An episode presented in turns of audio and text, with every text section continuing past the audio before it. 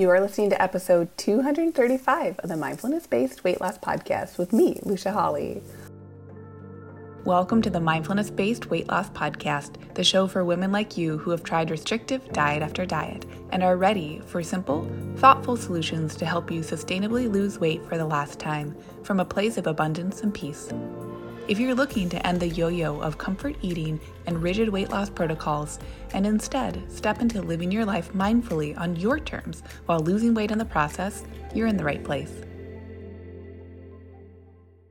Welcome, welcome, welcome to the show. Um, thank you so much for being here.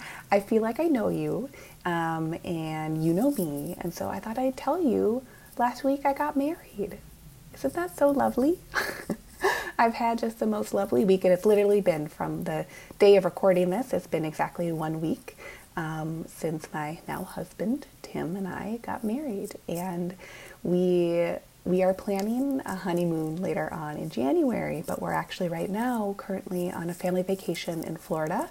So it's just been the most lovely, um, lighthearted, just loving, kind, warm, literally and figuratively, week for me. So I thought I would just share some of that um, mental wellness, mental well being with you. I wanted to invite you into that. I, I often say in the beginning of these episodes, I'm never quite sure, like, oh, what should I share? Like, share updates with you. And that's a pretty big update. So it was a very intimate, small um, wedding at the courthouse, and exactly how we wanted it to go is how it went. And yes, it was a day full of love and delicious food, which was so darn perfect.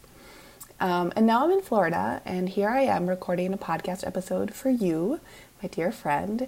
And today's episode, I had I had noted a couple of weeks ago in a podcast, a different episode, that as I was explaining through the subject of that episode, I was like, oh, I should make an episode about this. So I have it on my schedule to talk about the idea of trapped emotions. And I have friends and acquaintances and peers who work with people who have stored emotions, trapped emotions. So know that this is my take on trapped emotions. Just know that I never want to disrespect how other people support their clients um, if you find the concept of having an emotion be trapped in you supportive and healing, please take that and run with it. I am not the end all be all. I never pretend to be. I don't know more than other people, but I do want to share with you my takeaways and how that visual of a trapped emotion isn't necessarily always um, turning towards our own wisdom and wellness. I do think the idea of trapped emotion, so if, if you're newer to the idea or you haven't heard it before, the idea of a trapped emotion is that we can um, store emotions in different muscles and different parts of our bodies. And so if we do body work or somatic work, meaning just relating to the body, like the physical body, um, then there's a potential to release those emotions and these trapped emotions can you know we can do as much mindset work as we want or we can do as much um, behavioral changes we want but if we still have these trapped kind of negative emotions is typically what the discourse is on that then we're we're you know one step forward one step back or one step two steps forward one step back. We're never really quite getting in deep enough.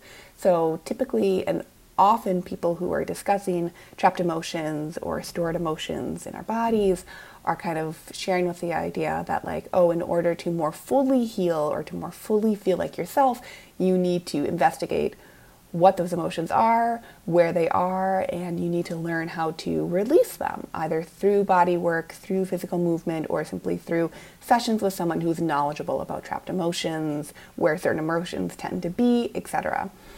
And so, my takeaway with trapped emotions, I've, I've heard of that for a long time. And again, this is my take on it. And I, I just thought it would be useful because what I never realized about the subject of trapped emotions is that I, I think people, and I want to say this slightly because it, it's, listen, if I'm being honest with you, it's hard for me to disagree with some people sometimes, okay? But I am just going to disagree with some people, and, and that is what it is. The idea of trapped emotions to me is if it's a visual that is supportive for you, I like that. I respect that. I think that makes sense.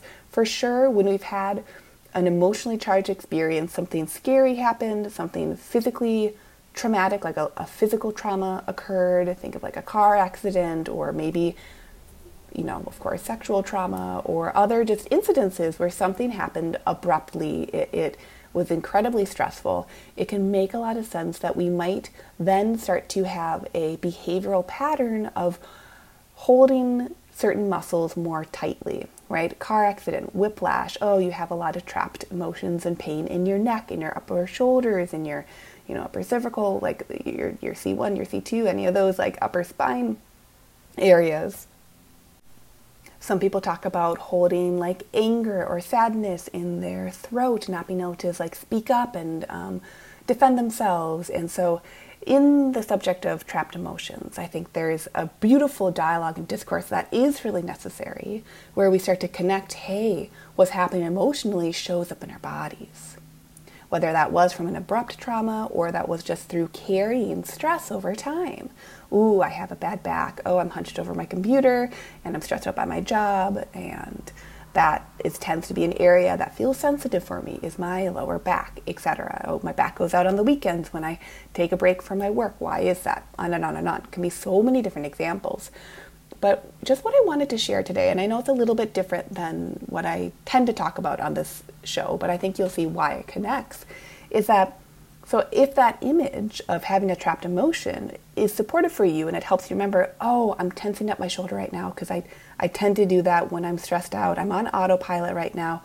I, I'm getting a little reactive. Oh, let me release my shoulder, right? Let me make a, it, if it helps you move something that was a little bit less conscious into something that is more conscious, that's really beautiful. I think there's such space for that.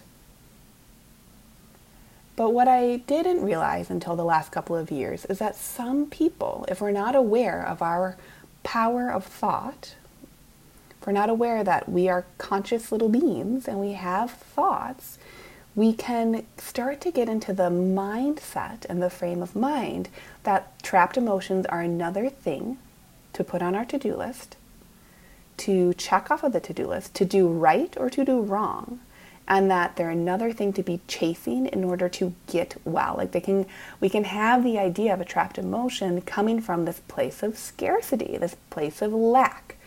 It's like trying to fix yourself. And so I'd also see people then, if they have that way of navigating their worlds, which is really common. That's what diet culture is. Diet culture is saying you're not enough, you're not doing enough, you eat too much, you're lazy, you're a slob. Um, other people know better than you. You should listen to other people. You're not wise. And oh my God, you're gross and disgusting at the same time. You know, like try better, try harder.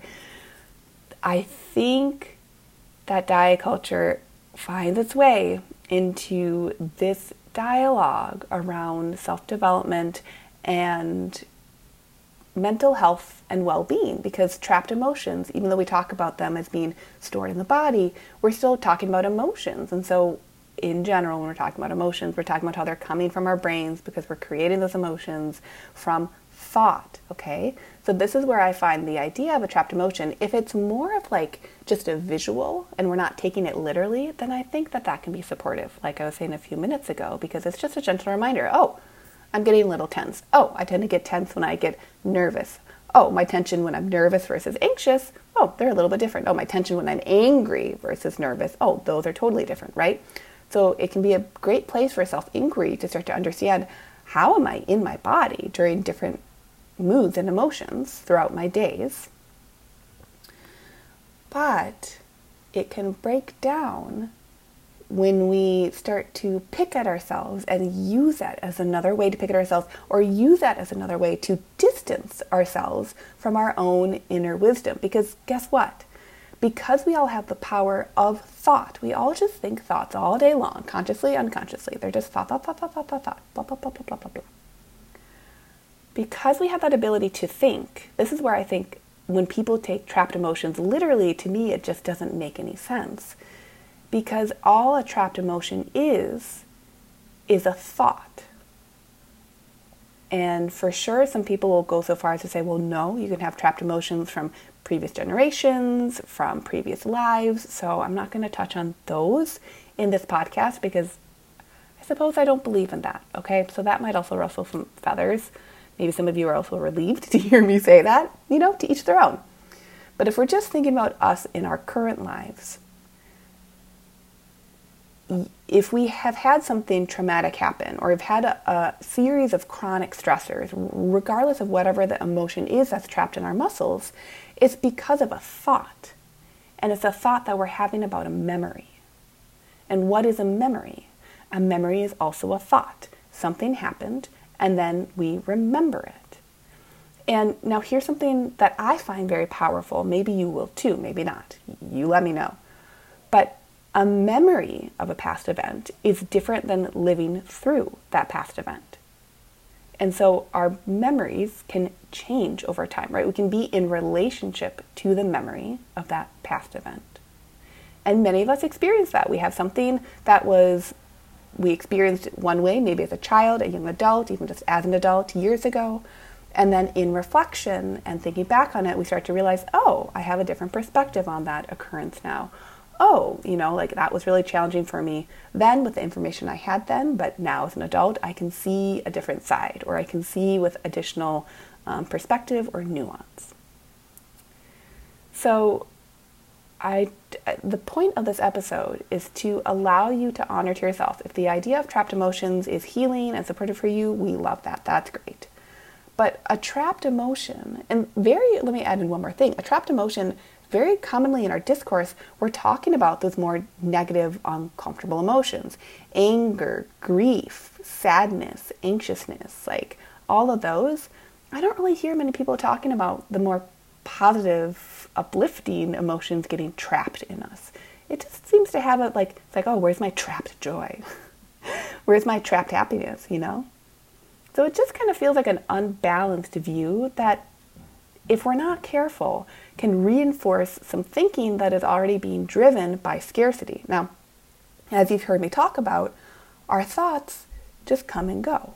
And it's only when we start to overly identify with the power of a certain thought, or we put power onto a thought, that then we think, oh, that thought means something. Oh, that means this or that. So it can be an innocent misuse of our power and ability to think, including our thoughts about the past, meaning our memories, because our memories are not the experience of the past. Our memories are just our thoughts about the past, okay? There's a difference there. So if we're innocently misusing the beautiful power we have to think thoughts, and that because we have the power to think thoughts, we are not our thoughts, they just pop in and then they pop out.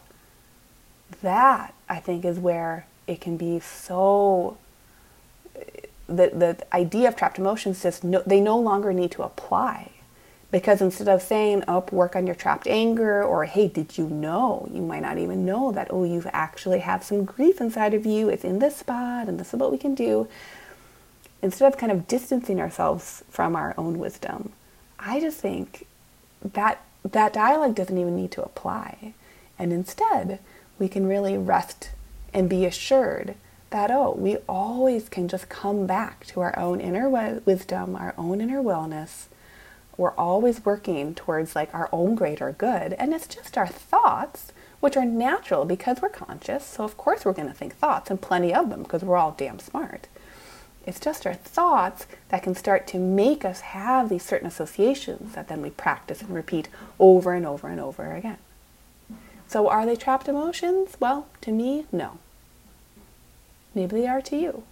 But to me, a trapped emotion is probably just a thought that you've repeated. And if we can keep it simple like that, there really becomes no longer becomes a reason or a need to be chasing the trapped emotions. And really, when we start to recognize, well, why are we focusing on quote unquote negative trapped emotions? Right? The human experience is just full of all the different emotions. They don't get trapped they, there's nothing I have to do to release them. I can just simply become aware that, oh, of course, I think thoughts. To me, that is really, really powerful. So, that's what I have for you today. Thank you so much for being here, and I will see you on next week's episode. Bye. Hey, if you love today's show, I'd love for you to take a minute and give a rating with a review. If you too are ready for more women to make life choices from loving mindfulness, that means we need more women listening to this message so they know it's available to them and they can do it too. And if you're ready yourself, come join Lean and Liberated, where we'll work together and you'll learn how to take this process to the next level in your weight loss goals, life desires, and beyond. Go to luciahawley.com, that's L U C I A H A W L E Y.com to connect.